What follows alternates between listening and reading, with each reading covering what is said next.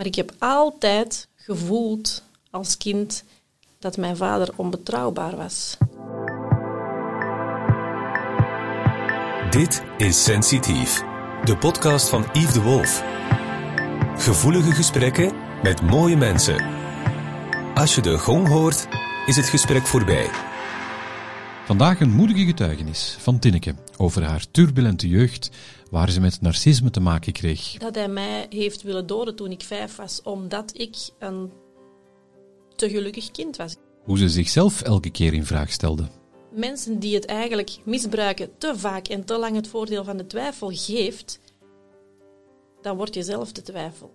En over haar hooggevoeligheid. Ik ben ziek geworden op het moment dat ik de overtuigingen van mijn omgeving heb overgenomen. En wat was ik blij met deze gouden raad. Ik heb heel lang uh, antidepressiva en kalmeringsmiddelen moeten nemen. En dat heeft mij niet geholpen. Dit is Sensitief. Gevoelige gesprekken met mooie mensen.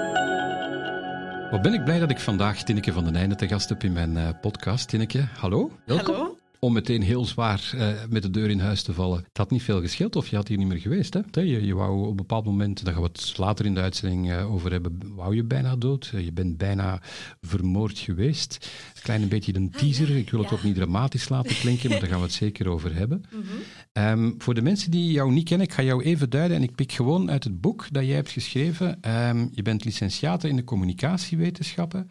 Je hebt vijf jaar gewerkt als journaliste in een uh, bekend Vlaams glamourblad. Mm -hmm.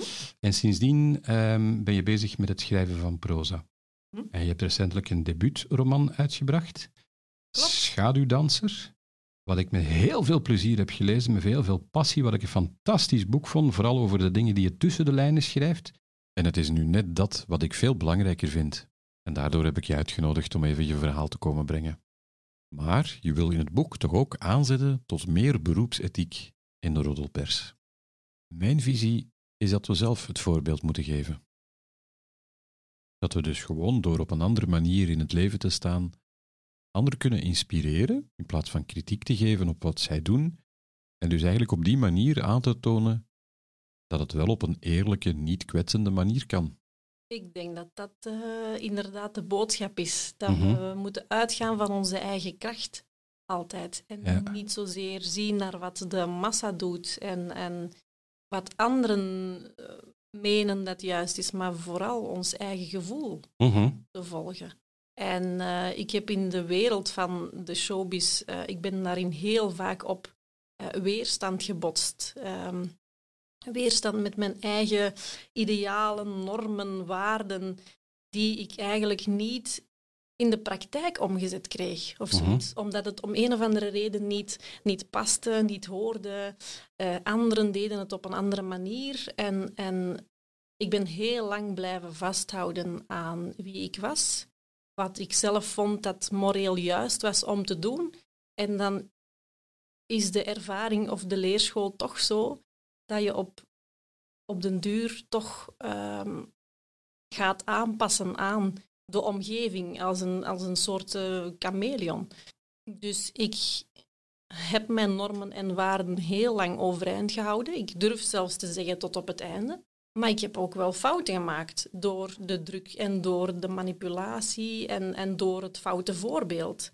Over die manipulatie wil ik het zeker hebben uh, in, in een later stadium, want de waarden en normen denk ik um, dat nog iets anders is dan gedragspatronen of familiepatronen. Um, we worden continu gemanipuleerd zonder dat we het doorhebben. Je weet dat ik een therapeutische praktijk mm-hmm. heb en, en mijn passie is het onderbewuste. Dus onderbewust worden we gemanipuleerd en soms gaan we ook andere mensen manipuleren zonder dat we het doorhebben en dat we het absoluut niet willen. Daar wil ik het zeker over, over hebben in, in, in uh, de rest van het gesprek. Het interessante is, denk ik, dat, uh, dat het veel zegt over jezelf. Hè? Het zegt alles dus, over jezelf. ja, ja, ja. Zonder waardeoordeel. Dus, uh, ja. ja. Dus je merkt fouten op in, in de omgeving, in de buitenwereld. Je merkt dat er dingen niet kloppen. En dat zijn eigenlijk net de dingen waar je zelf een heel sterk waardeoordeel over hebt. Mm-hmm. En het zegt ook iets over uh, wie je zelf bent en, en de kwaliteiten in jezelf die onderbelicht zijn en die eigenlijk uh, op die momenten een spiegel vormen om uh, tot uiting gebracht te worden. ja, klopt. klopt. En dan begint alles terug bij de opvoeding. Hè? kwaliteiten in jezelf Mhm, die, eh, die getriggerd worden. mhm. En die willen eigenlijk eh, naar buiten komen en die moet je nog ontwikkelen in jezelf. Ja, Zoiets, dat klopt. Dus vanuit de praktijk, om even te schetsen, van, ehm, tracht ik altijd mensen te leren inzien wie ze zijn, dat ze het ook kunnen accepteren wie ze zijn en dat ze zich nadien kunnen tonen wie ze zijn. Mhm. Dat heeft niks te maken met, met talent om, om goed te schrijven, prachtig boek dat jij hebt geschreven, of, of, of, eh, ja, eh, of, of over hoe goed dat je eruit ziet, of wat dat je hebt of dat je niet hebt. Maar het gaat over wie dat je bent. En dat Mhm. gaat natuurlijk heel eh, veel te maken hebben met hoe dat je jouw leven ontwikkelt. Eigenlijk is het heel simpel. Wie jij bent is een stukje van je ziel. Je ziel, je, je hebt een stuk gen van vader, een stuk gen van moeder. Een stuk wat dat je niet wil Mhm. optrekken, heb je meestal prijs. En dan ehm, alles wat dat je meekrijgt. En dat is onder meer opvoeding, dat zijn relaties op het werk, liefdesrelaties met familie, met vrienden. Op een bepaald moment loop je vast en voel je dat er iets niet klopt. Maar je bent mee in het patroon. En je, en, en je zit in die valkuil en je ziet de valkuil en je trapt er verdorie elke keer in, zelfs al heb je mooie waarden en normen. En het kan heel frustrerend zijn, het kan heel vermoeiend zijn, en het kan hele rare vormen krijgen. Ehm, Ja. En dan gaan we denk ik even terug naar, naar jouw opvoeding. Uit welk soort nest kom jij? Ik kom uit een bevoorrecht milieu waarin Mhm. er veel eh, intellectuele en artistieke ontwikkelings- ontplooiingskansen waren, waarin materiële rijkdom geen probleem was, waarin al die dingen overvloedig aanwezig waren, maar waarin ik mij niet gehoord of gezien heb gevoeld. Werden er over Dus- emoties gesproken? Nee. Taboe. Ja, ik weet niet of het zozeer taboe was. Ehm, ik had het gevoel dat ehm, mijn moeder zelf verwond was en zelf nog aan het helen was van haar wonden. En eh, kijk, mijn ouders zijn gescheiden eh, toen ik nog vrij jong was. En mijn vader was toekoer niet, niet aanwezig. Hè. Die, die, Mhm. eh, die had bloeiende diamantairszaken in het buitenland. Op het hoogtepunt van zijn succes had hij eh, zeven zaken. Die was er dus niet. Dat heeft tot gevolg gehad dat mijn moeder er dus alleen voor stond. Eh, om de zorgen eh, over drie kinderen op zich te nemen.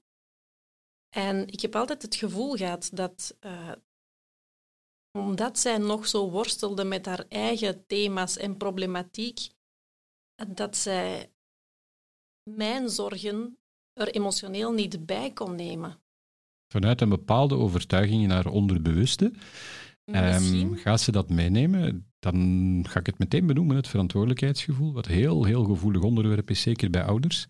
Ehm, mijn visie is dat je op emotioneel vlak enkel verantwoordelijk bent voor jezelf.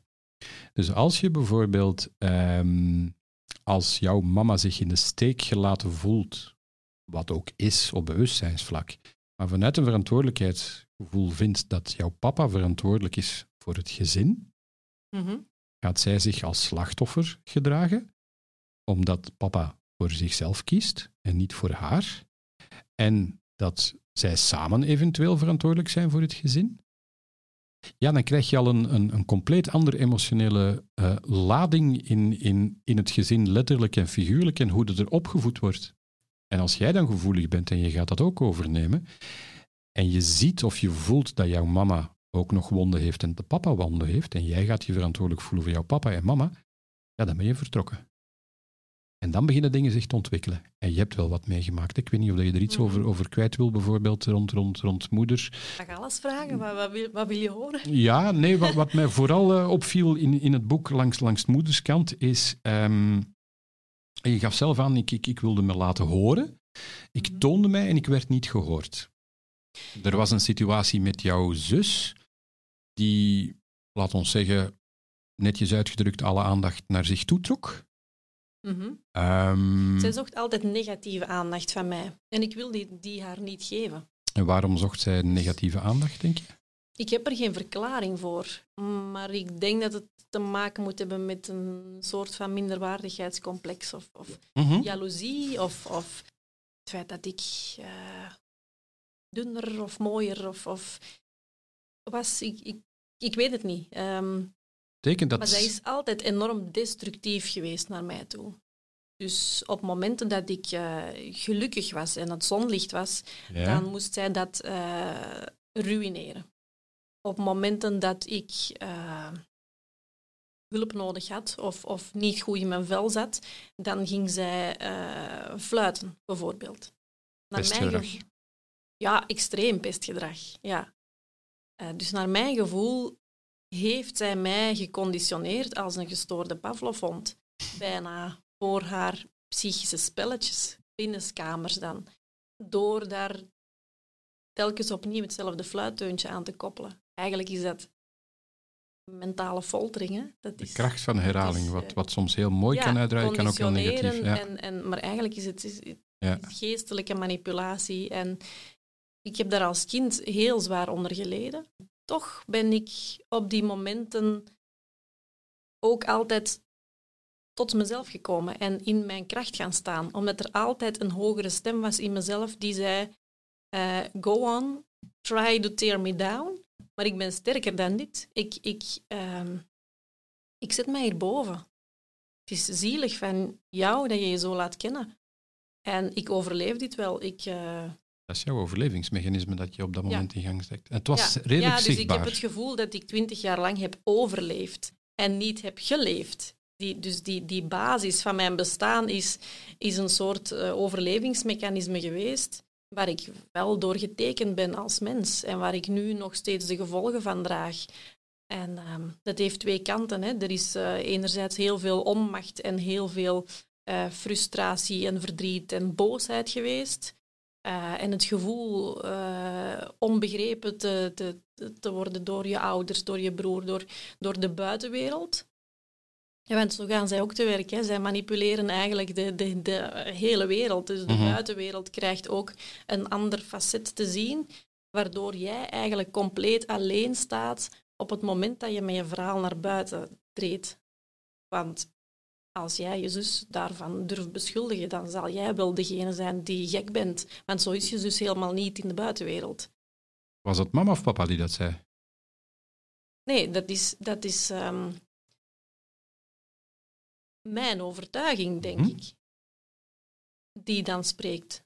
Maar het moet zichtbaar zijn geweest in, in de thuissituatie. Dus bepaald moment gaat, gaat mama of papa gevoeld, daar toch op reageren. Ik heb het gevoel dat ik, als ik het verhaal deed bij, bij vriendinnen in de buitenwereld, Mhm.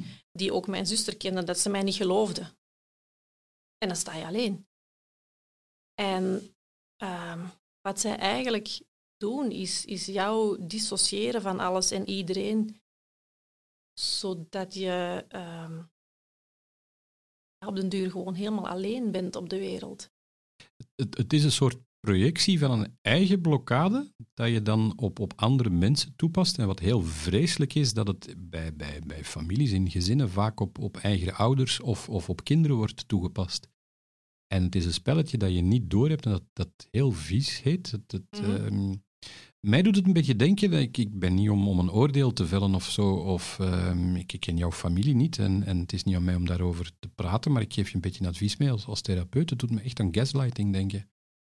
Maar dat is het ook, hè? Ja. Het is ook echt. eh, enfin, dat, is, dat is mijn beleving dat mijn zus een, een zwaar eh, narcistische persoonlijkheidsstoornis heeft. Net zoals mijn vader. En Ja. het is een, eigenlijk een probleem dat zich al generaties lang ehm meedraagt. en ik heb met mezelf een pact gesloten van. Dit houdt op in mijn persoon. Ik Mhm. wil niet dat de geschiedenis zich op deze manier blijft verder zetten. Ik wil niet dat het eh, leed wordt overgedragen op mijn kinderen. Dit stopt hier. Ik ben geruineerd als mens. Mijn vader is geruineerd als mens door zijn eigen voorouders dan. En ik zag op een bepaald moment dat de geschiedenis zich ging herhalen op het zielenleed van mijn kinderen. Op momenten dat zij in eh, conflict waren met de kinderen van mijn zus. En toen heb ik gezegd, oké, dit moet hier stoppen. op bewustzijnsvlak.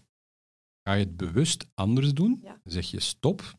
En Ja. ga je pijnlijk genoeg en frustrerend genoeg toch op bepaalde momenten ondervinden dat je in het onderbewuste toch een aantal gedragingen, niet qua vormgeving, maar qua overtuigingen, qua gedachten, wat je absoluut niet wil horen, dat je dat toch ook zelf gaat, gaat, uh, gaat kopiëren.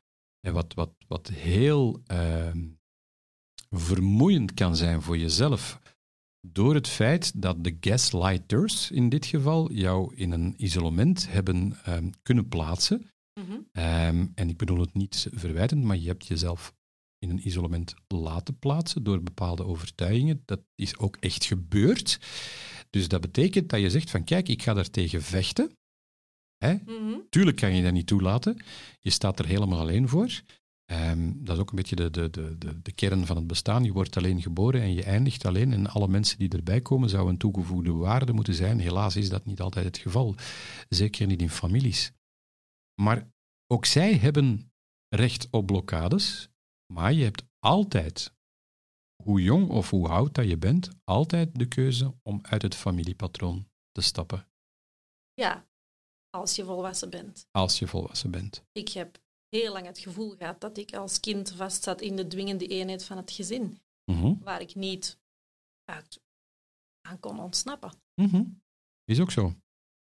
Dus. Um... En dat is het vreselijke, dat je dan eigenlijk al een soort hypnose ondergaat of een soort brainwashing, mm -hmm. dat sterker is dan jezelf en dat jouw toekomst gaat bepalen. Ja, dat is het, dat is het mooie eraan eigenlijk.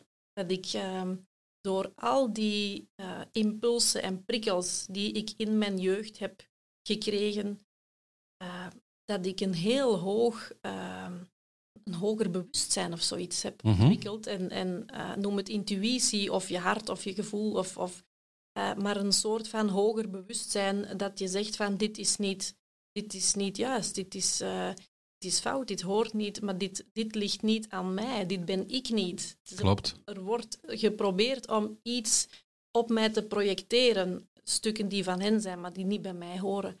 En die ik het liefst eigenlijk bij de ander wil laten. Ja. Het heeft mij jaren gekost om eigenlijk um, te achterhalen wat de boodschap daar, daarvan was. Wat moet ik hieruit leren? Ik ben er nu achter dat, dat iedere crisis uh, deel uitmaakt van mijn eigen leerproces ja. in dit leven. En dat ik die weg moet bewandelen om een of andere reden. En ik denk dat die een of andere reden vrij simplistisch gesteld kan worden als uh, tot jezelf komen. Mm -hmm. een lange weg, maar eigenlijk een. een, ja. een um, ik denk dat dat de, de, clue is of zo van alles. Daar ligt de oplossing. De oplossing ja, ligt ja. altijd bij jou, wat je ook hebt meegemaakt. En ze hebben het jou niet makkelijk gemaakt. Dat, dat lees je ook in het boek. Nee, ik twijfel daar ook wel. geen seconde aan.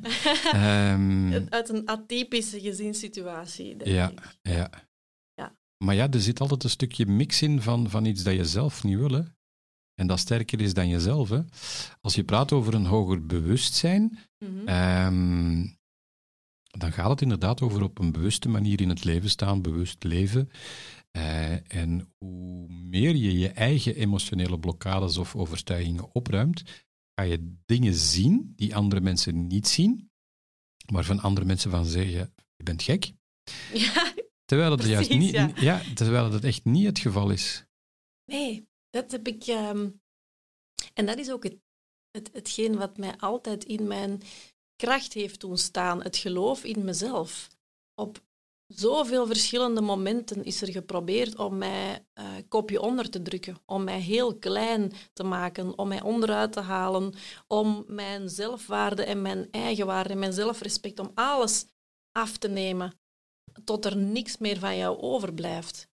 Wat die aanrichters vergeten, is dat je op al die momenten, en dat zijn miljoenen, dat zijn ontelbare keren um, geweest, dat je dan ook achter de frustratie en achter de, de, de vrevel en de strijd en het verzet en het morele oordeel hè, van dit hoort niet, als je daar doorheen gaat, dat je dan heel dicht tot jezelf komt en dat je jezelf dan bewust wordt van een, een, een, grote innerlijke kracht in ja, jezelf. Klopt. En, en ja. eigenlijk um, is het best ironisch als ik er nu zo over nadenk, want ze willen je klein maken en op dat moment staat, ontstaat er een enorm grote kracht in jezelf. Maar dat komt alleen door het feit hoe dat jij reageert op de prikkels die jij binnenkrijgt. De meeste mensen gaan compleet ten onder. Jij hebt ergens gevonden Ja. dat er toch nog een innerlijke kracht zat en je bent op zoek gegaan. Want ik kan me inbeelden, je hebt het zelf aangegeven, jouw zelfwaarde is, is compleet nul geweest op een bepaald moment. Ja. Op een bepaald moment ga je toch ook donkere gedachten krijgen, denk ik. Dus het, ik heb mij 21 jaar lang staande gehouden tussen alle negatieve en destructieve prikkels. En eh, vanuit de overtuiging van ik ben sterker dan dit, ik kan dit, ik overleef dit, eh, dit is een stuk dat bij jou hoort. Ik, eh, vanuit het inzicht, ik denk dat het inzicht mijn overlevingsmechanisme ook is geweest. Ik denk dat het inzicht mij heeft gered, eigenlijk. En, maar wat ik wil zeggen is, je kan dat heel lang doen, maar op een bepaald moment, als je niet wordt gehoord en je, je zoekt hulp en, en je confronteert eh, haar ermee en je wordt voor gek verklaard en je zoekt hulp bij je moeder en ze luistert niet. Eh, of ze zegt zelfs nog, eh, zoek hulp bij je zus, want zij is psychologe, zij kan jou wel helpen. Wel, als de, dan wordt het op de duur allemaal een beetje te veel.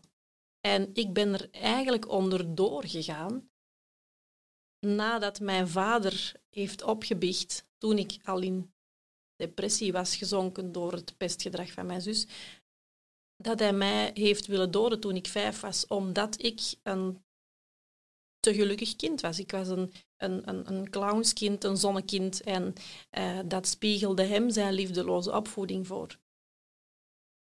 Heb je dat bewust meegemaakt? Of is het gewoon jou verteld achteraf? Heb je het moment dat hij de stap heeft is- willen zetten, heb je, kan je ja. dat nog herinneren? Of is dat verdrongen?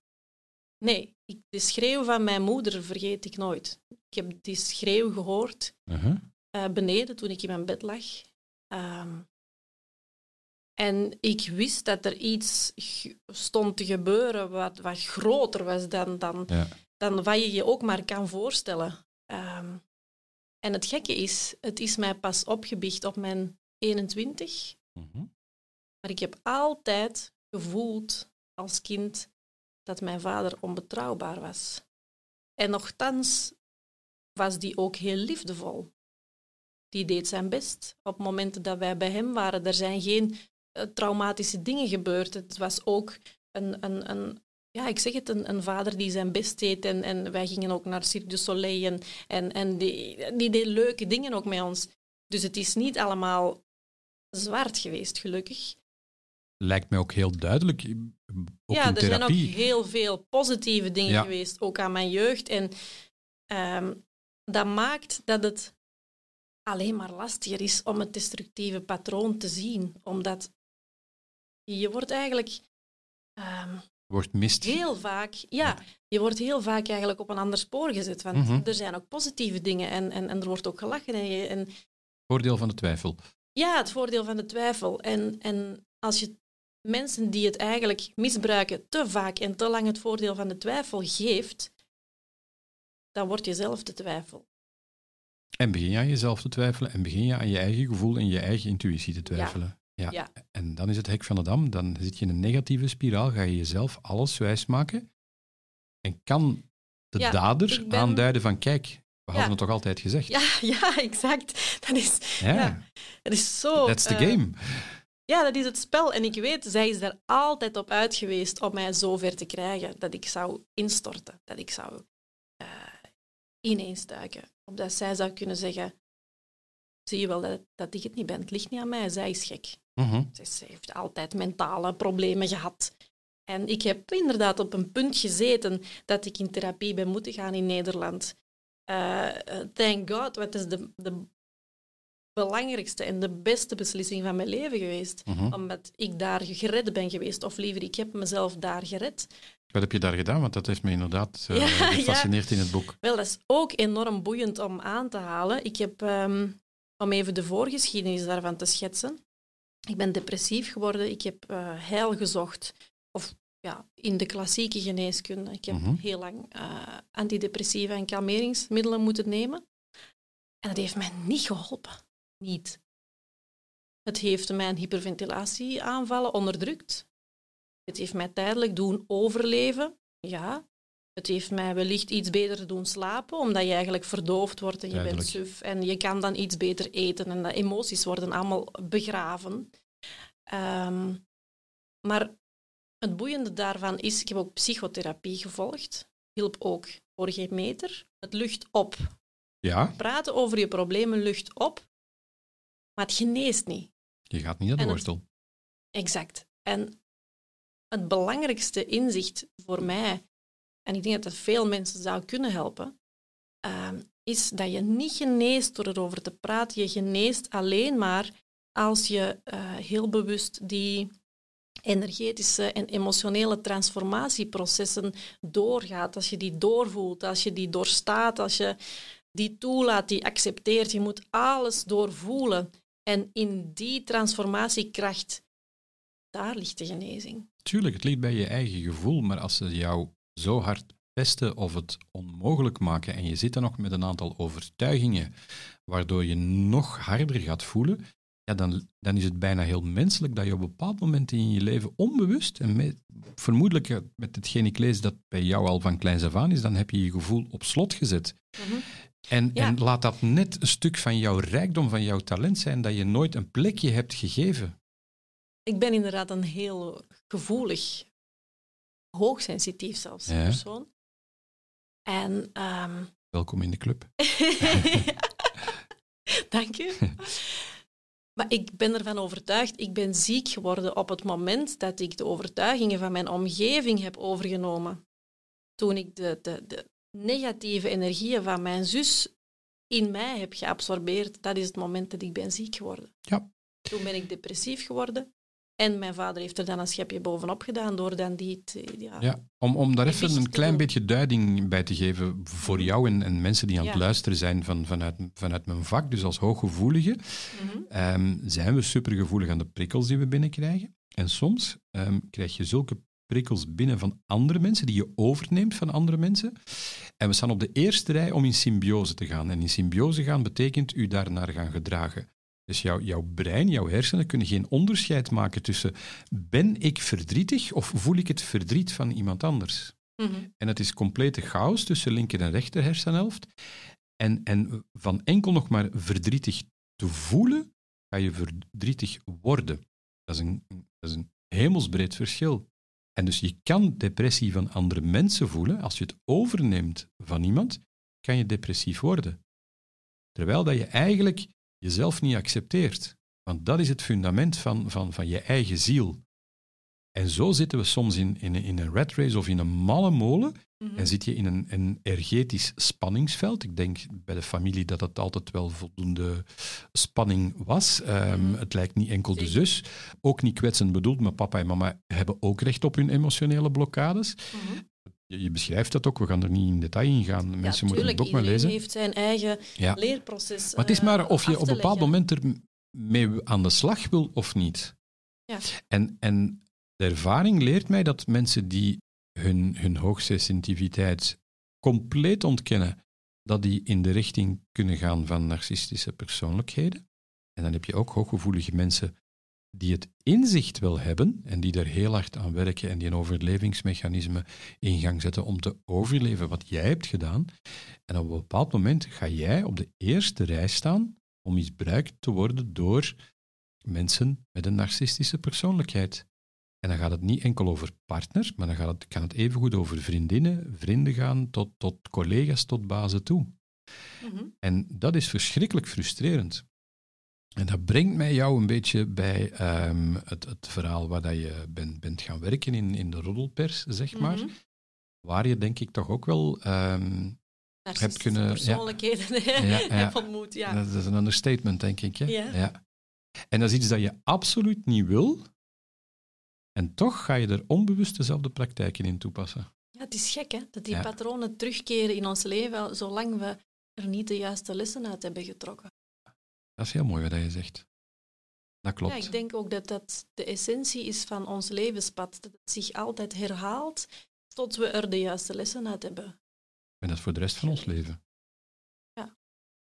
Als je zegt op een bepaald moment van, oké, ehm, hey, je zit dan in de puberteit, je maakt dan, ehm, geen fijne dingen mee met, met, met je zus, met je ouders die ondertussen gescheiden zijn. Was er ook een, eh, een, een, een strijd tussen vader en moeder, verwijten van, van naar elkaar toe en zo, die, die, dat je hebt uh, meegekregen? Wel, ik wist dat zij waren verwikkeld in een, een moeilijke echtscheiding. Heel veel ruzie over, over alimentatiegeld en, ja. en de materie, hè? de Ja, ja, ja, zakelijke tuurlijk, kant. Ehm, eigenlijk is het tussen mijn ouders altijd een, een verhaal geweest van koude oorlog. Dus je voelde de spanningen, maar er werd zo min mogelijk over gesproken. Was er enige vorm van warmte? Want die, over mij zit een zeer warme vrouw. ja, dank je. Ja, Dat, ehm, ja. ik, ik denk dat ik in de kern een heel eh, positief en warm persoon ben. Mijn moeder is eigenlijk ook een heel liefdevolle, warme vrouw. Mhm. Zo heb ik dat toch altijd aangevoeld. Alleen heeft zij ehm, mijn stuk, naar mijn gevoel dan, genegeerd. Emotioneel, mentaal. ehm, Denk je dat jouw stuk is dat ze heeft genegeerd? ik, ik bedoel daarmee, als ik hulp vroeg, ehm, Mhm. als ik briefjes schreef. Ik heb als kind, ik schreef briefjes eh, en ik legde die op haar hoofd, hoofdkussen. Schreef erop, ik wil dood. Ja, ik ben nu zelf mama. Als mijn zoon van acht, of van van vijf kan nog niet schrijven, maar als mijn zoon van acht zulke dingen op mijn hoofdkussen legt, sorry, maar dan stopt de wereld met draaien. Dan Mhm. zal ik er alles aan doen om dat kind te helpen. Om, om te achterhalen van, wat is er mis? Wat, Maar je moet het ook willen lezen. Ja, daarom dat ik zeg dat zij mijn stuk heeft genegeerd. Vanuit haar blokkade. Wellicht. Ja. Waarschijnlijk, en, en ik bedoel het niet kwetsend, was er ook wel veel werken, klinkt, klinkt een beetje foutief, maar waren er wel wat emotionele blokkade, waar ze zelf niet mee aan de slag ging Mhm. en zag ze een aantal dingen bij jou die heel confronterend waren voor haar. Ik denk dat we allemaal spiegels zijn voor, voor elkaar. En dat we allemaal die dingen naar boven halen in elkaar, waar we zelf van te leren hebben. En, en dikwijls is het zo, denk ik, dat wat je frustreert bij een ander, dat het iets zegt over jezelf. Ja. Dus ehm, het is ook maar een spiegel. En het, het, het zegt iets over je eigen ontwikkelingsproces. En vele ehm, mensen durven niet in de spiegel kijken. ja, exact. Dat is ook wat ik, wat ik altijd heb gezegd over die therapie in Nederland, nadat ik was genezen, van dit vergt moed. Dit Tuurlijk. vergt veel lef om diep in jezelf te willen en te durven kijken, om bewust te kiezen voor genezing, omdat je daaruit wil stappen. Je wil niet uit het leven stappen, maar je wil eigenlijk uit die doodskist stappen waar je eigenlijk al veel te lang in ligt. Je wil Maar leven. veel mensen, vrees ik, zijn niet moedig genoeg om inderdaad in de spiegel te kijken, om in zichzelf te kijken, om eerlijk te zijn met zichzelf. Volledig akkoord. En die blijven volledig vastzitten. Vandaar dat ik het heel fijn vind dat je hier wil over komen praten, omdat ik denk en Ik hoop dat dit een soort inspiratie is voor, voor veel mensen. Ik hoop het, dat ik veel Ja. mensen op de goede weg kan zetten en, en dat ik hen het, het licht kan tonen. Het licht van een schaduwdanser dan. Iemand die Ja. zelf ervaringsdeskundige is. Maar ik kan iedereen zeggen die struggelt op een of andere manier. En dat doen we allemaal. We zijn allemaal maar passanten in het leven en, en we hebben allemaal onze lessen te leren. Iedereen worstelt wel met iets. Is het eh, job, is het identiteit, zijn het relaties, is het partner, is het eh, de opvoeding, eh, noem maar op. Ehm, maar ik kan iedereen zeggen dat er licht is na de duisternis. En, en dat meen ik ook echt als je maar dapper genoeg bent om in jezelf te kijken en om alle blokkades op te ruimen en, en eh, met jezelf emotioneel en, en, en psychisch aan de slag te gaan, dan is er heel veel, zo niet misschien alles, mogelijk. En dan ga je vanuit die kracht, hè, vanuit het licht, ga je naar de vanuit de duisternis ga je naar het licht. Mhm. Maar dan moet je beseffen op een bepaald moment, hoe krachtig dat je ook staat, dat je af en toe ook een beetje duisternis moet kunnen toelaten. Want er is geen Ja. licht zonder duisternis. en Alles is duister, energie. Ja, alles is energie. Ja. Ja, en dat is iets wat ik heb moeten accepteren in het leven. Eh, het is positief en negatief. Er zijn, twee, er zijn polariteiten in het Mhm. leven. En omarm ook het negatieve. Uh, ik heb me heel lang een, een, een engeltje gevoeld, dat altijd uh, het, het, licht wilde uitstralen en, en, eigenlijk wit was van kleur en, en overal het licht en de liefde wilde Ik wil dat bengeltje wel eens zien. ja, dat zit er ook ongetwijfeld. ja. ja. Um, en vanuit die uh, overtuiging of vanuit dat gevoel heb ik eigenlijk al het negatieve weggedrukt. En ik denk dat dat ook een van mijn lessen is. Want als je het wegdrukt, ja, dan, hoe paradoxaal ook, maar dan trek je het net aan. Klopt. Dan, dan, dan de wet van de aantrekkingskracht. Ja. Iets wat je niet wil, iets wat je niet accepteert, zal dan in verhoogde mate naar je toe komen. Het begin van alles is acceptatie, daar hebben we het eh, in het vorige gesprek ook al even over gehad. En wat even paradoxaal is eigenlijk de titel van jouw boek, De Schaduwdanser. En je mhm. komt naar buiten, je, je, wordt in de, je zet jezelf in de spotlight. Mhm. En ik ben die abatante man die zegt van ja, maar je blijft toch nog in de schaduw staan. Dus jouw volgende boek, moest dat er ooit komen, vergeet die schaduw. Hè? Treed in het licht. Hoe bedoel je dat? Treed in het licht. Ja. Ik heb er bewust voor gekozen om in het licht te treden met de duisternis, met de kwetsbaarheid. Ja, heel mooi. Omdat Misschien was het zelfs niet zo bewust, maar ik denk dat we de mensheid en de samenleving niet vooruit helpen met de schone schijn op te houden. Ik denk dat het heel veel kwaad berokkent. Niet alleen op individueel, maar ook op sociologisch vlak, op maatschappelijk vlak. En ik heb altijd zelf enorm veel bewondering voor mensen die heel open uh, naar buiten durven treden met wie ze werkelijk zijn. En dat zijn ook de, de, de duistere kanten. Ja, tuurlijk. Maar je gaat voelen of het oprecht is of niet. Want het, een van mijn slogans, niets is wat het lijkt. Het is niet alsof ze er heel mooi mhm. kunnen over praten, dat ze ook daadwerkelijk in de diepte gaan. En dat, dat, dat is verdorie moeilijk. Dat is de moeilijke stap die jij hebt gezet, waarvoor ik heel veel respect heb. Dat waardeer ik het is een, een, een boeiend proces geweest. Mhm. Confronterend ook voor mezelf, om al die uh, verdrongen herinneringen en emoties terug te, te, te doorstaan. En, en, maar het is ook wel genezend geweest. En het zal nog een stukje helend blijven. Hè? Ja.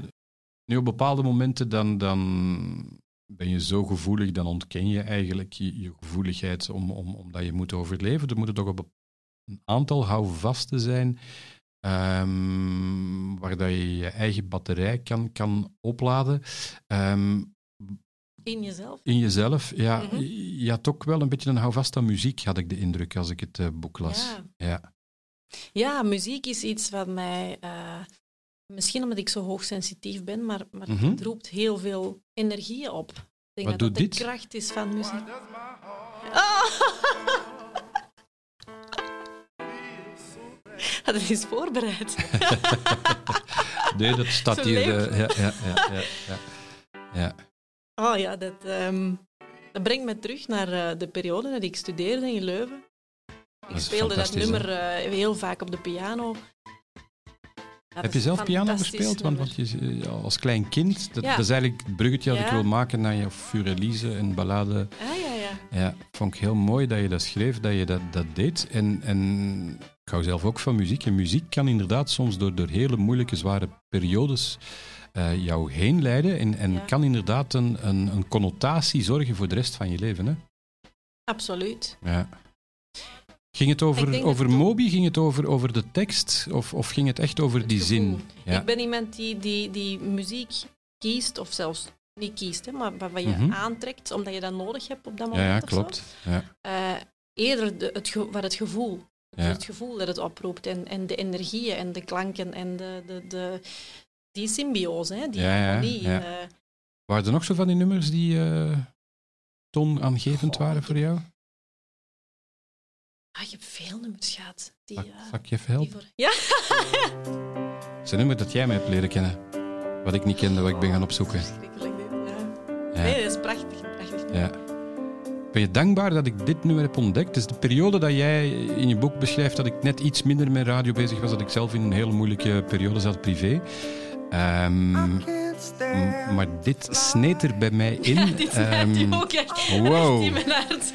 ja, Ja, ja. Ehm, Vertel, wie zijn dit? dit is, ehm, dit is een nummer dat ik heel vaak heb gedraaid op mijn donkerste momenten. Uh-huh. Eigenlijk zelfs op momenten dat ik, dat ik niet meer wilde zijn.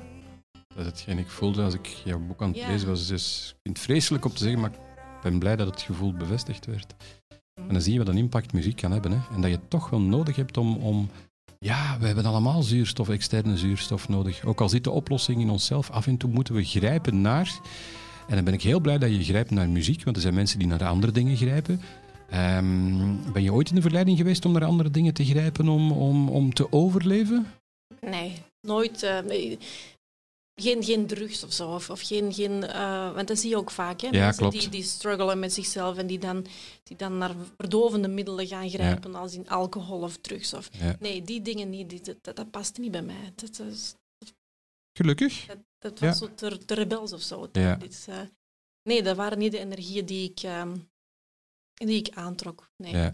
Ja. Want wij als Muziek was altijd de ultieme troost voor mij. En dans, bewegen. Eigenlijk het, het, het lichamelijk uit je systeem werken. En het Mhm. mooie eraan is eigenlijk dat... eh, ah, ik zeg veel te veel eigenlijk. Het is niet aan mij om die opmerking te geven, maar ik Nee, vind, ik- vind, vind het fijn dat je het zelf opmerkt. Ja. het mooie eraan is dat ik ben gaan dansen om met die negatieve energieën aan de slag te gaan. Om met die opgekropte emoties en frustraties, eh, om die eigenlijk naar buiten te Mhm. om die weer naar buiten te werken. Heb je iets met dieren? Want dat is ook iets wat heel vaak typisch is voor hooggevoelige We mensen. hebben vroeger eh, twee golden retrievers gehad, Mhm. prachtige beesten, dieren. En ehm, ik had het gevoel dat ik de enige was die, die hen liefde gaf. Een beeld dat ik heb uit mijn jeugd is dat ik heel vaak eh, met mijn rug tegen de radiator heb gezeten in de, in de veranda. En dat Flo dan bij mij kwam liggen en dat ik die aaide en veel liefde gaf. Terwijl mijn broer en zus eh, doodleuk tv keken. En mijn moeder was aan het werk in de keuken. Als je jezelf niet graag ziet, kan je andere mensen, laat staan andere dieren, graag zien. En, en sinds een aantal jaren begrijp ik ook wel mensen die zich jammer genoeg, omdat ze niet weten dat er oplossingen zijn, maar die ehm, enkel dieren graag zien in plaats van mensen. Omdat het heel vaak onvoorwaardelijk is. En dus het feit dat jij een hondje zit te aaien, weet ik dat je veel liefde in jezelf hebt. En als je er kan toe komen om jezelf graag te zien, kan je nog heel veel eh, bijdragen aan de mensen. En ik denk dat ook die dingen mij hebben recht gehouden altijd. Mhm. De wetenschap dat ik een liefdevol persoon was Ja. en ben, nog steeds. Ja. Dat ik veel liefde heb in mezelf, dat ik veel heb om te geven aan de wereld. Is dat iets dat je ooit tegen je zus of je ouders zou willen zeggen? Zou, je- zou je dit gesprek kunnen hebben met hen? Dat denk ik niet. Dat is jammer, hè? Ja, ja. Ook al ben je niet eh, verantwoordelijk voor hen, maar, maar het, het, het, het, het is toch de essentie van, van, van, van wie we zijn. ja. Vorige week heeft nog iemand tegen mij gezegd: Jouw familie spreekt jouw taal niet. Klopt. Zij begrijpen jou niet. Zij zitten op een andere golflengte. Is ook zo. Dat is een ander trillingsveld. Ja. Dus je moet loslaten dat je, dat je hen ooit zal kunnen bereiken met wat je hen wil zeggen. Met- de boodschap die je, die je wil brengen. En, en accepteer dat ze, dat ze het simpelweg niet verstaan. Als ik daar mag op pikken, accepteer vooral jezelf en, en is loslaten een van jouw eh, opdrachten in dit leven, ja, dan zal dat ook wel een of andere vorm krijgen van, van afstand nemen. Voor hetzelfde geld kan je loslaten en kan je 24 uur terug met, met, met die mensen in dezelfde ruimte verblijven. Dat is maar over vormgeving. Het gaat altijd over je eigen helingsproces. Dus maak je geen zorgen over die vorm. Dat, dat, dat zal Nee. zichzelf wel duidelijk uitmaken. Ehm, ik wil even toch, toch ook naar de, de, de, de job die je dan eh, gedaan hebt. Hè. Je, je hebt een zware jeugd gehad, dan, dan ben je op kot gegaan. Dan, dan waren er, eh, was zo'n beetje een overgangsperiode. een eerste buitenlandse ervaring, als ik me goed herinner. ja. Eh, waar waar ook toerisme, dacht ik. uit het rattenhol. ja, van het ene rattenhol ja. naar het andere rattenhol. ja, precies. Ja. Ja, mens denkt dan, moet zo ver mogelijk weg. Dat Ja. ga ik totaal anders doen. En het ironische is, je komt precies hetzelfde tegen. Ja, maar zo werkt het. Dat zijn pure energieën. Ja, en ehm, En dat was eigenlijk al een eerste confrontatie voor jou van, oh, de oplossing ligt niet ver weg, het ligt bij mij. En dan ben je teruggekomen.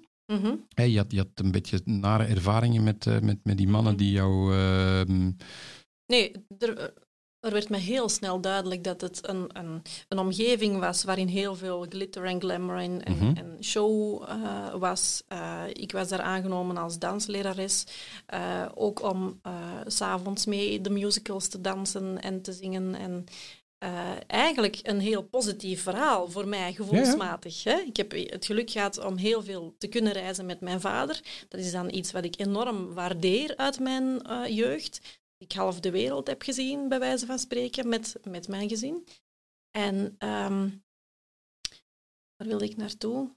Ehm, de glitter en de glamour blijft mij ja, vooral ja dus, dus, maar dat achter die, die ook weer, hè, die façade van schone schijn, Mhm. eh, achter dat showgehalte, dat er Ja. ook heel veel destructie was in de coulissen. En, en eh, chef animatie die een, een, eh, een Parijse ballerina in het gezicht kletste, die een danser comateus sloeg op het podium. En toen, dat was voor mij echt een eye-opener, want ik had altijd het gevoel gehad van, die droom wil ik najagen. Ik Mhm. ga dat ook doen. En ik had dan, ondanks alles, hè, na alles, de kracht gevonden in mezelf om die stap te zetten. Ja, ja. Dus daadkracht heb ik altijd gehad om terug recht te staan. Hè? maar daar het zijn we getraind om, om, om recht te Ja, staan, om te overleven. Ja, exact. Ja. Maar Ik ben uiteindelijk, iedere keer opnieuw opgestaan. En vermoeiend hè? dat is ook waar, wat me heeft gaande gehouden. Ja, Snap je? ja, ja heel goed. Ehm, Laat ons zeggen dat je glitter en glamour thuis hebt meegemaakt.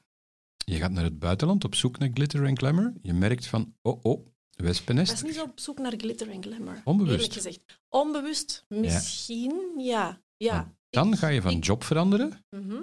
en kom je weer in de glitter en glamour Wel, terecht. als je het overkoepelende patroon bekijkt, is het altijd ehm, schone schijn geweest naar de buitenwereld toe. Heel veel rijkdom. Hè, eh, Mhm. Waar ik heb gewoond, ze noemden dat het kasteeltje van. eh Palazzo. de palazzo. Ja. Palazzo. Ja. Dus heel veel eh, schone schijn naar de buitenwereld, maar een totaal ander verhaal aan de binnenkant. Dus achter de façade heel veel destructie en negativisme. En dat was zo in mijn jeugd, dat was zo in het buitenland en het was ook zo achter de coulissen van de roddelpers. Daar was het ook naar de buitenkant. ehm, Wauw, en je mag eh, naar rode loperfeestjes en filmpremières en televisieshows en noem maar op. Eh, showbusiness. Hè? Eh, dat... Maar als je daarachter kijkt, was het ook echt een heel duister verhaal. Daar kan je nu naar terugblikken, Voor maar op dat moment zit je, zit je weer met je beide voeten in dezelfde valkuil. Ja, dus het gekke is, ik heb altijd datzelfde patroon gekregen. Klopt. Ja. Rijkdom en glamour aan de buitenkant, maar heel veel destructie en negativiteit aan de binnenkant. Ja. En, en de oplossing lijkt mij, er is niks mis met glimmer en, eh, glitter en, eh, en, en glamour, maar het Mhm. is het, het, is het, het, het innerlijke dat oké moet zijn.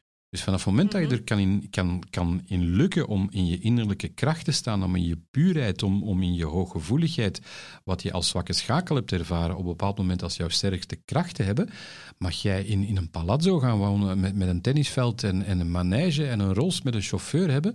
Op zich speelt dat geen rol. Mensen zeggen dat ook soms, maar dat is een echte rijke, daar zie je het niet aan.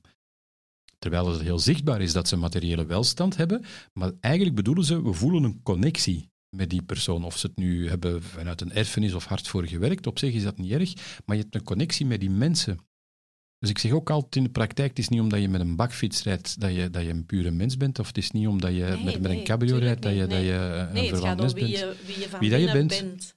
En die uiterlijke schijn, ja, dat is natuurlijk schering en inslag in de roddelpers. Wat ik ook heel grappig vond, is, is ja, ik kom ook uit, uit de media, je hebt daar een aantal omstandigheden beschreven. Je hebt ze niet bij naam en toenaam genoemd. Is dat bewust? Ja? Ja, dat is een bewuste keuze, ja. ja. En toch... Uh... Kijk, mensen zullen ongetwijfeld mensen herkennen uit het boek. Ik wilde niemand confronteren, ik wilde niemand open en bloot met naam en toenaam mm hoeft ook niet, in het boek zetten. En ja. uh, Humo heeft, uh, of liever, ik heb een interview gedaan met Humo. Uh, zij gingen dat publiceren, ze hebben dat uiteindelijk op de laatste nipper teruggetrokken, omdat, uh, ja, omdat er toen werd gezegd van kijk, we willen dit publiceren, maar dan niet anoniem. Dat is te gemakkelijk. Niet uh, gefictionaliseerd. Zeg. Dus wij willen jouw verhaal, wij willen aan jouw verhaal aandacht schenken. Als jij de guts hebt om iedereen met naam en toenaam te noemen in ons blad. Niet alleen de bekende Vlamingen, maar ook de hoofdredacteuren. Mhm. Ook de eindredacteuren. Mhm. En ze zouden dan hen om een persoonlijke reactie hebben gevraagd. En toen dacht ik, dat is niet de bedoeling. Ik heb dit boek niet geschreven om mensen aan te vallen, om hen persoonlijk te gaan beschuldigen van dingen die zij misdoen. Dat zou totaal fout zijn. En ergens was ik ook teleurgesteld in Humo. Humo, moraliserend blad, uh, was altijd mijn nummer één geweest om een interview aan te geven. En um, zij zouden ook de laatste zijn in, in mijn gedachten van wie ik zou denken uh, dat zij eigenlijk de sensationele tour op zouden gaan. Want dat wilden ze. Tuurlijk, tuurlijk. Niets is wat het lijkt, hè? Alweer. En, ja, ja, ja. En dus hebben mijn uitgever en ik beslist van kijk, dan doen we het niet. Dit kunnen we niet doen. We kunnen niet dat, dat, is niet de bedoeling. Het, het, krachtige... het, is geen, het is geen openbare aanklacht. Het is uiteindelijk nog wel een roman. Het is literaire fictie. Ik, ik heb dit boek geschreven voor zelf, ook om meerwaarde bij te dragen aan de buitenwereld natuurlijk. En om mensen tot inzicht te brengen, hopelijk. Maar dit is geen um, boek zoals uh, Gunther Walraff bijvoorbeeld heeft geschreven. Hè? Uh, open en bloot. Was ook non-fictie. Ja, nee, een officiële aanklacht is het dan. Hè? Een openbare aanklacht tegen het systeem. Uh, Eigenlijk nee, wil je een aantal mentale... persoonlijk verhaal ja, gewoon. Ja, zo heb ik het gelezen en, en vandaar ook de vraag om, om bevestiging te hebben van oké, je wilt het niet benoemen om de mensen niet te kwetsen. Het is geen kwestie van guts hebben om ze te, om ze te kunnen benoemen. Uh, het is alleen waarom ga je ze benoemen of waarom ga je ze niet benoemen. Het feit dat jij zegt van kijk, we hebben woorden nodig, materie om iets beschrijfbaar te maken, om te communiceren, bespreekbaar. te bespreekbaar te maken, hoeft het inderdaad niet altijd met naam en toenaam te zijn. Wat, wat ik heel mooi vind, uh, het grappige is inderdaad dat ik uh, de meeste mensen er wel wel uithaal en dat het, dat het soms mm -hmm. Confronterend is, ook, ook over radiomensen bijvoorbeeld, mensen die ik zelf mhm. heel goed ken. Um, want, want de roddelpers, inderdaad, hè, ze laten jou uh, dingen doen waar je zelf niet achter staat. En na, na een tijdje zit je zo in dat patroon dat je het echt toelaat. En toch merk ik op een bepaald moment, en dan ga ik een heel gevoelig punt voor jou, maar ook voor mezelf aanraken, waar we het nog niet over gehad hebben. Dat is dat ze, um, of dat jij toch nog altijd, denk ik, um, misschien verrassende wending nu, een schuldgevoel hebt rond deze covers. Het is niet jouw schuld, hè? Niet, nee, dat, hè? Dat weet ik, dat weet ik. Er, uh... Om even te duiden misschien. Zo Jasmin. Ik heb ze heel goed gekend. Fantastische dame. Helaas, voor de mensen die uh, het verhaal niet kennen, is uit het uh, leven gestapt. Wat ik lees in jouw boek is, hè, jullie hebben met het blad op een aantal dagen voor uh, de wanhoopsdaad verliep, zou ik maar zeggen, hebben jullie een, uh, een vrij heftige cover geplaatst. Ja. Kan je daar iets of wil je daar iets ik, over uh, vertellen? Ik had een collega naast mij zitten die, die, ik vond dat die enorm destructief was in hoe hij bekende mensen behandelde, hoe hij met hen omging aan de telefoon, hoe die ehm, heel zelf ingenomen terugkwam van persconferenties. uh, alsof hij de grote vangst had voor het blad. En het was ook meestal wel zo, maar het was altijd op de kap van Mhm. de bekende mensen. En uh, ik vond dat not dom. Ik vond dat, dat, dat riep bij mij altijd enorm veel weerstand op. En dat is nu mijn, uh, het, het, het, punt wat mij daar zo in raakt, is ik heb heel lang weerstand gevoeld tegen hoe hij het aanpakte. En ik heb hem dat nooit gezegd. Dus het is ook weer een stuk van mezelf natuurlijk. Ik, mm -hmm. ik heb... Um, ik heb hem er nooit mee geconfronteerd. Dus ik heb hem heel lang gewoon zijn gang laten gaan. Hem maar laten begaan. Ik heb gezwegen, het, het, het, het mijne ervan gedacht, maar het niet gezegd. En net dat krijg je dan op je bord, dat er zoiets gruwelijks, zoiets dramatisch gebeurt, waardoor je gaat denken van, ik zit hier voor niks tussen maar. Ik zit daar godverdomme naast. En ik had op zoveel verschillende momenten kunnen zeggen, dit doe je niet. Had je de macht om het... Uh... Nee, ik had niet de macht om Kijk. het systeem te veranderen. Nee, want dat heb ik ook heel lang gedacht. En dat is heel lang mijn overlevingsmechanisme alweer geweest, om vanuit die goedgelovigheid en dat positivisme te denken van, ik ga hier het verschil maken. Ik wil dat bekende mensen met respect behandeld worden, dat er, dat er hier meer ethiek en, en, en meer um, moraliteit komt. Maar waarom ga je dan in, in... tegen de bierkaai. Ja, tuurlijk. Waarom denk je dan dat, dat je eh, zelf nog een stukje gekwetst of geblokkeerd? Mhm. Waarom ga je dan in de roddelpers werken en, en niet in, in, voor een ander blad? Wel, in alle eerlijkheid, ik heb echt het gevoel dat ik in die job ben gerold. Want ik ben begonnen als stagiaire op de redactie van Goed Gevoel. En wil dat nu net het toeval zijn dat daar voor mij de, de grootste levenslessen te rapen vielen? Ik denk dat het simpelweg zo verklaard kan worden, hoor. Dat, dat ik daar... Eigenlijk was het meant to be dat ik daar moest belanden, Mhm. hoewel het totaal niet bij mij paste. Ja. En toch ben ik heel lang um, in die positie gebleven, in die stoel blijven zitten, vanuit dat goedgelovige. Vanuit, ik, ik wil mensen wel met respect behandelen.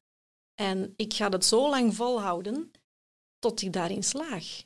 En voor je het weet zit je daar vijf jaar en heb je heel veel uh, dieptepunten meegemaakt. Het, het, grootste dieptepunt is natuurlijk de, de zelfmoord van Jasmin.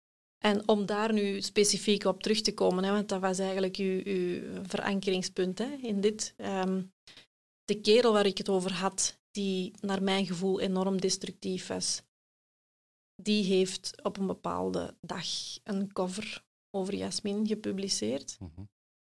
uh, heel ongelukkige foto achteraf ja. gezien, omdat zij een, een, een zilveren haldertop droeg met een zwart lederen ringband rond haar hals. En um, het is gewoon enorm luguber als je dan bedenkt dat zij één dag later uh, uit het leven is gestapt. Heb je toen gezegd van het, het hoeft niet meer voor mij? Of, of... Zelfs toen niet. Gek, hè? N nee, Zelfs... eigenlijk niet gek. Het zegt heel veel over het patroon waar dat je in zit, dat je dus inderdaad niet ziet. En dat je vanuit dat overlevingsmechanisme toch blijft vechten. vasthouden en vechten. Ja, ik ben heel lang blijven vechten. Ik heb vijf jaar lang gevochten om een verschil te maken. Om, om, om meer respect en, en ja, ja, om meer mezelf. Misschien was het dat wel. Ik wilde wat ik zelf deed, of, of de, het engeltje in mezelf wilde ik doortrekken naar de rest. Ja. Ik wilde dat dat zou verspreiden, dat, dat anderen ook zo zouden gaan doen, dat het blad veranderde. Ik heb mij dat ook heel lang voorgehouden. Hè? Op, een, op een dag verandert het blad wel. En komt Don't iemand... think so. nee, hoe naïef. Ja, het verkoopt. ja. ja. Maar dat, wil, dat zegt iets over, um, ja, over mij. Hè? Over, over, ja, Zonder waardeoordeel, ja, vind ik heel mooi dat je het zelf beschrijft. Het gaat altijd over het omgekeerde, dat weet je. Als, als je het blad wil veranderen, wil je eigenlijk eh, jezelf veranderen. En het valt mij meer en meer op in dit gesprek hoe, hoe harder, hoeveel respect dat ik op heb en, en blij dat je gevochten hebt, want anders had je hier inderdaad niet meer gezeten. Mhm. Maar dat jouw oplossing erin zit in loslaten, het magische tover. Dat is het tegenovergestelde van vechten. Dat is loslaten. Ja. En dat is nog krachtiger. Ja, ik, inderdaad, ja. Ik heb altijd maar vastgehouden. vanuit het geloof, op een dag komt het goed. Ja. En het komt niet goed. En je blijft maar trekken aan die touw. En ik ga Ja. een heel gekke metafoor geven, wat mij plots in mij opkomt. Twee mensen die aan een touw aan het trekken zijn. En jij zit te wachten tot de andere loslaat. En wanneer laat die andere nu los? Maar jij laat ook niet los. En plots laat jij los en zeg je van hè, hè. Nu de andere kant Valt. valt, maar blijft aan het touw trekken. Hè? Automatisch blijft hij of zij aan het touw trekken. Laat niet los, je moet dat maar eens uit, uitproberen. Die persoon die blijft die touw vasthouden, omdat hij niet kan loslaten. Ik geef het maar even mee als advies. Mhm. Ik Ja. neem het mee. Lijkt me echt wel, wel ehm, iets, iets, iets waar dat je zeker met, met de instelling waarin dat jij nu in het leven staat en mensen probeert te inspireren, denk als je dat stapje nog kan zetten, dan, eh, dan ga je nog mooie dingen doen. ik, eh, ik, ik ben daarmee bezig. Het, eh, het, stuk, het stuk loslaten. Ja, ik ben de laatste dagen enorm bezig met eh, mediteren en tot jezelf komen en, en dingen uit het verleden opruimen. En eh, ik merk eh, de, de weldaad daarvan. Voor jezelf, hè? Ja, ja. Dat je dan heel dicht tot jezelf komt en, en ehm, je kan heel veel blokkades opruimen. Je moet het alleen toelaten. Je moet het willen en je, je moet een aantal juiste technieken vinden, personen die, die jou liggen en, en die jou kunnen begeleiden. Ik ben natuurlijk ontzettend blij dat je over meditatie begint. Dit is niet afgesproken, maar je weet dat ik een eh, Nee, meditatie-app heb. Ehm, ik kan niet vragen met welke app je mediteert, want het zal waarschijnlijk nog niet bij de beide zijn, maar dat kan nog komen. Ehm, Mhm. maar, maar het is inderdaad eh, een, een van de technieken die, eh, die jou kunnen helpen. Eh, maar je moet er ook klaar voor zijn, hè? want als je gaat mediteren, dan, dan kom je ehm, bij jezelf tot binnen.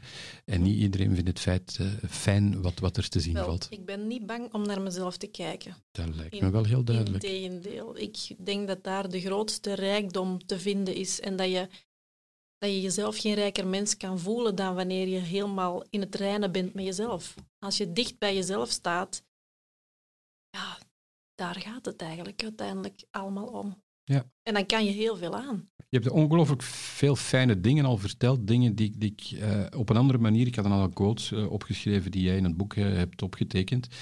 Wat, wat ik zeer waardevol eh, vind. Maar die je nu eigenlijk in dit gesprek op een andere manier hebt gezegd. Waar ik jou heel dankbaar voor ben. Om, omdat ik ervan overtuigd ben dat.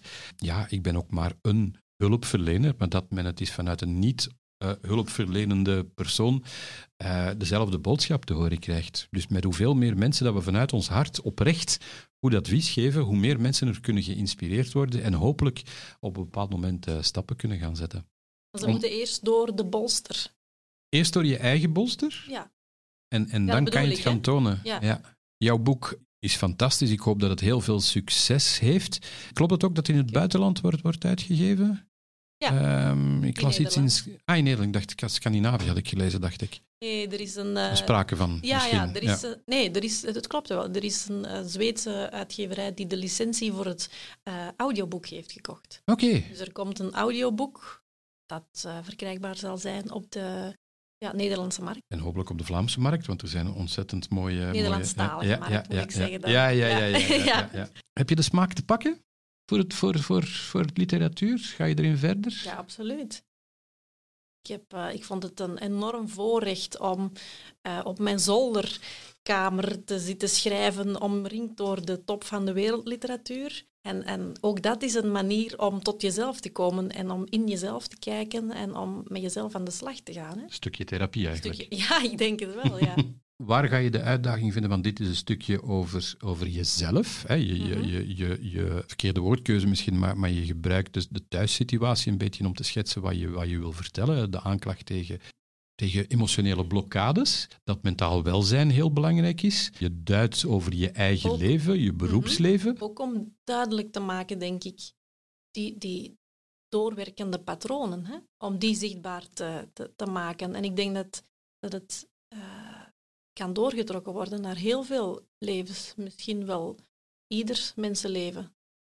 Dus ik, ja, in, in dat opzicht gebruik ik dan mijn leven een beetje als eh, voorbeeld Ja, als Om- inspiratie. als inspiratie om ehm, aantoonbaar te maken hoe het werkt. Hoe, hoe ego en ziel in conflict zijn, hoe, hoe je eh, patronen terugkrijgt zolang je niks uit leert. Maar hoe dat je die dan in een andere context te zien krijgt. Ja, de, de, de context, de vormgeving is ja, altijd dus anders. de context verandert, Ja. maar wat er onderhuids en onderliggend speelt qua thematiek blijft. Dat- en dat- zie je ook in mijn boek. Dus de thematiek, de, de rode draad blijft altijd hetzelfde. Eigenlijk is het een, een, een hele... eh, een uitgebreid MeToo-relaas, maar breder dan de actuele context. Hè. Dan Ja. heb ik het niet op, over, eh, op seksueel vlak, maar eerder psychologisch en emotioneel grensoverschrijdend gedrag. Exact. En dat Dus wordt eh, veel te weinig besproken. Hè? Ja. Ja, ja, dus ik denk dat daar nog een, een, een, een hele eh, weg open ligt. Ja, ja, ja, klopt. En het wordt meer en meer bespreekbaar. Er komen meer en meer getuigenissen. Hè, want het, het risico is altijd als je met zo'n getuigenis naar boven komt, dat je, dat je, dat je Ja, je beticht gaat worden van uit, natrappen. Ja, eh, ja, ja. Terwijl dat het juist niet de bedoeling is om Nee. na te trappen, maar juist Nee. om het bespreekbaar te maken. En misschien kan, kan een volgende stap voor jou zijn een, een, een boek van hoe dat je inderdaad al jouw, jouw helend werk, hoe dat je dat in praktijk opbrengt. En zo Wel, ik denk erover na nu. Ik Ja. denk erover na. Er zijn twee ideeën die spelen. Ofwel schrijf ik iets, een tweede roman, iets, iets hoger nog qua literatuur dan wat ik, wat ik nu heb gedaan. Dan wordt het iets totaal fictief, Mhm. denk ik. Eh, ofwel is het, eh, gaat het inderdaad die kant uit. Hè? Is het, wordt het iets non-fictief en, en gaat het over het, het, het vergaren van inzichten en het helingsproces en, Ja. en mensen op weg zetten naar de genezing. Of ik, ik zeg maar iets. Maar het zijn twee aparte dingen die spelen momenteel. Dus, eh. ik Vergelijk het nog niks vastpinnen in, voor de toekomst. Nee, nee, hoeft niet. Dat zal wel duidelijk worden. Ja, ik vergelijk het een beetje met, met mijn eigen werk. Ehm, ik, ik neem mensen mee in het ehm, leegmaken van hun rugzak, door Mhm. de patronen te doorbreken. Door het feit dat we eigenlijk onbewust geprogrammeerd zijn door altijd achteruit te kijken. En op een bepaald moment maak je het rugzakje leeg. Mhm. En kan je een soort, ehm, met alle respect, comfortzone gaan creëren voor jezelf. Maar er is nog zoveel te doen, er zijn nog zoveel mooie dingen te doen, los van leeftijd. Als we dan op een of andere manier, en, en ik doe dat technisch met, met een aantal andere methoden, leren mensen vooruitkijken. En ook daar word je weer geconfronteerd met overtuigingen, met, met, met patronen. Maar dan kan je inderdaad stappen gaan zetten om vooruit te denken, om vooruit te werken. En dat is misschien leuk voor jou om, stel dat je je er even kwetsbaar wil in opstellen, om, om de lezer mee te nemen. Absoluut. Ik ben niet bang eh, voor kwetsbaarheid of, of om intimiteit in de openbaarheid te brengen. Absoluut niet. Ik denk dat dat net de kracht en de rijkdom is en de sterkte ook. Dat we dat allemaal wat, wat, wat meer moeten doen. Het is Ja. mijn ervaring door, eh, dat, dat, door de dingen op te houden en voor jezelf te houden en, en, en die jarenlang alleen mee te slepen en er niet over te communiceren en niet te doorvoelen, dat je vast komt te zitten. En dat je ook niet begrepen wordt hè, door de buitenwereld. Je moet vooral jezelf begrijpen en accepteren. Ja. En dan is het heel fijn dat je eventueel begrepen of geaccepteerd wordt door iemand anders, maar het begint altijd bij jezelf. En je gaat Ja. een selectie maken na een tijdje. en Er gaan mensen wegvallen. Hè? Ja, sowieso. Ja, Ja. In dat opruimproces zit ik nu wel volledig. En om in te pikken op wat je nu daarnet zei over die rugzak leegmaken. Ja. Je bent dan met de opkuis van het verleden bezig. En kijken naar de toekomst. Ik denk dat je de, de oplossing voor de toekomst pas kan vinden als je in het hier en nu bent. Mhm. Klopt. En als je eigenlijk eh, in, het, in, in het heden, eh, te volle in het heden leeft. Want er komt heel veel onrust bij heel veel mensen, is dat zo? Hè? Heel veel onrust ongelooflijke... Ja. eh, door vast te hangen, ofwel aan het verleden, ofwel door te veel te vrezen voor de toekomst. Te veel onrust en onzekerheid te voelen over de toekomst, op welk vlak dan ook. Klopt. Het gaat over het leven in het hier en nu, En het- nu in je kracht staan. Dat eigenlijk trekt dat net ieder individu volledig uit balans. Mhm. En dan krijg je, als je dan interacties tussen individuen hebt, krijg je ontwrichte patronen. En er zijn er veel. Hè. Helaas. Droom je van een kerstfeest met de hele familie of een gewoon feest van, van zonder spanningen? Verwacht je het? Ik verwacht het niet, eerlijk gezegd. Ik, nogmaals, ik pin niks vast voor de toekomst. Maar ik heb wel het gevoel dat het nu nodig is om voor mezelf en ook voor hen om even afstand te nemen. En, en om... ehm, Je hebt heb- afstand heb- genomen nu. ja, Ja. ja. Ik heb eh, met hen gebroken nu. Heel bewust. Niet vanuit een gevoel van verlies, maar vanuit het gevoel van ik kies nu voor mijn eigen welzijn en ik kies nu voor mijn eigen geluk. En nee, dat zal mij niet in dank worden afgenomen. Maar ik ben vandaag de dag meer dan wie ik was als kind en meer dan de persoon die zich heel lang heeft laten manipuleren en heeft laten beïnvloeden op een negatieve manier. Dus ik heb het gevoel dat ik uit een toxisch web ben gesprongen, uit zelfliefde en uit eigenwaarde. En ik, uh, ik kan nu zeggen, ik, uh, misschien een, die keuze wordt misschien door de buitenwereld als egoïstisch bestempeld. Hè? Maar ik ben vandaag de dag meer in balans en meer mezelf dan dat ik ooit ben geweest. Het komt binnen. ja, en dat komt niet zozeer door het schrijven van het boek. Ook voor een deel. Maar meer omdat ik nu bewust kies voor ikkracht en voor zelfliefde. Dag na dag. En er is niets dat mij daar nog van weerhoudt. Ik, uh, ik cirkel niet meer om mezelf heen om de vredelievendheid van anderen te dienen. Heb heel lang in, dat, uh, in, in, in die patronen gezeten. En uh, om tot de conclusie te komen dat het ja, alleen maar uh, energetisch volledig leegzuigt. Denk hoe dat je nu in het leven um, tracht te staan en staat, dat je ongelooflijk zonder woorden en zonder moeite ook een ongelooflijk mooie opvoeding aan je kinderen geeft. Want dat zij zullen. hopen. Ja, ja, ja, ook al ben je niet verantwoordelijk voor je kinderen, maar, maar zij zijn een uitvergroting van jou. Ik, heb, ik ken ze niet, maar ik heb foto's gezien. ja. Uh, het zien er uh, engeltjes, maar ook bengeltjes uit. Ja. ja. De, de, de, oudste is een, is een engel. De jongste kan soms een bengeltje zijn. Kinderen zijn de, de spiegel van jezelf ook. Hè? Natuurlijk. Een uitvergrote versie. Dus die hebben heel veel te vertellen over jezelf ook. En ik, uh, ik luister en ik kijk bewust heel um, aandachtig naar alle signalen die zij mij geven. Mooi. Dus ik hoop dat ik. Uh... Ik geef het ook vaak als raad meer. Luister naar je kinderen. Je moet ze niet altijd gelijk geven, maar luister als je wil iets zeggen. Ja. En je mag goed bedoelde advies geven. Hebben jouw ouders waarschijnlijk ook ongetwijfeld geprobeerd. Maar als jij je emotionele blokkades opkuist, ga je. Ja, dan gebeurt er iets magisch. Dan gebeurt er iets magisch. Ja. Ik merk het zelfs al. Tuurlijk. Aan hen ook. Ook zij zijn veel gelukkiger nu. En, ja. en eigenlijk is het frappant om te zien dat als je jezelf energetisch volledig reinigt en geneest, dat dan de buitenwereld volgt. Ik wil je ongelooflijk bedanken voor deze mooie getuigenis. Bedankt dat je mij wilde hebben. Ik ben, ben heel blij dat je, dat je de getuigenis wou doen. Ik denk dat je um, niet enkel door het schrijven van het boek, en voor de mensen uh, nog eens even herhalen, het heet uh, Schaduwdansers. Tineke van den Einde gewoon intikken en dan, uh, dan, dan, kan, dan, kan, je het kopen. iedereen lees het boek, maar lees vooral tussen de regels door. Luister ja. naar de podcast wat Tineke eigenlijk wou vertellen. En hopelijk gaan we veel mensen besmetten met dit mooie virus van hoe dat jij in het leven staat. Ik het. Dit was Sensitief. Gevoelige gesprekken met mooie mensen. Wil je meer? Volg dan Sensitief op Facebook, Instagram en YouTube. Sensitief, de podcast van Yves de Wolf.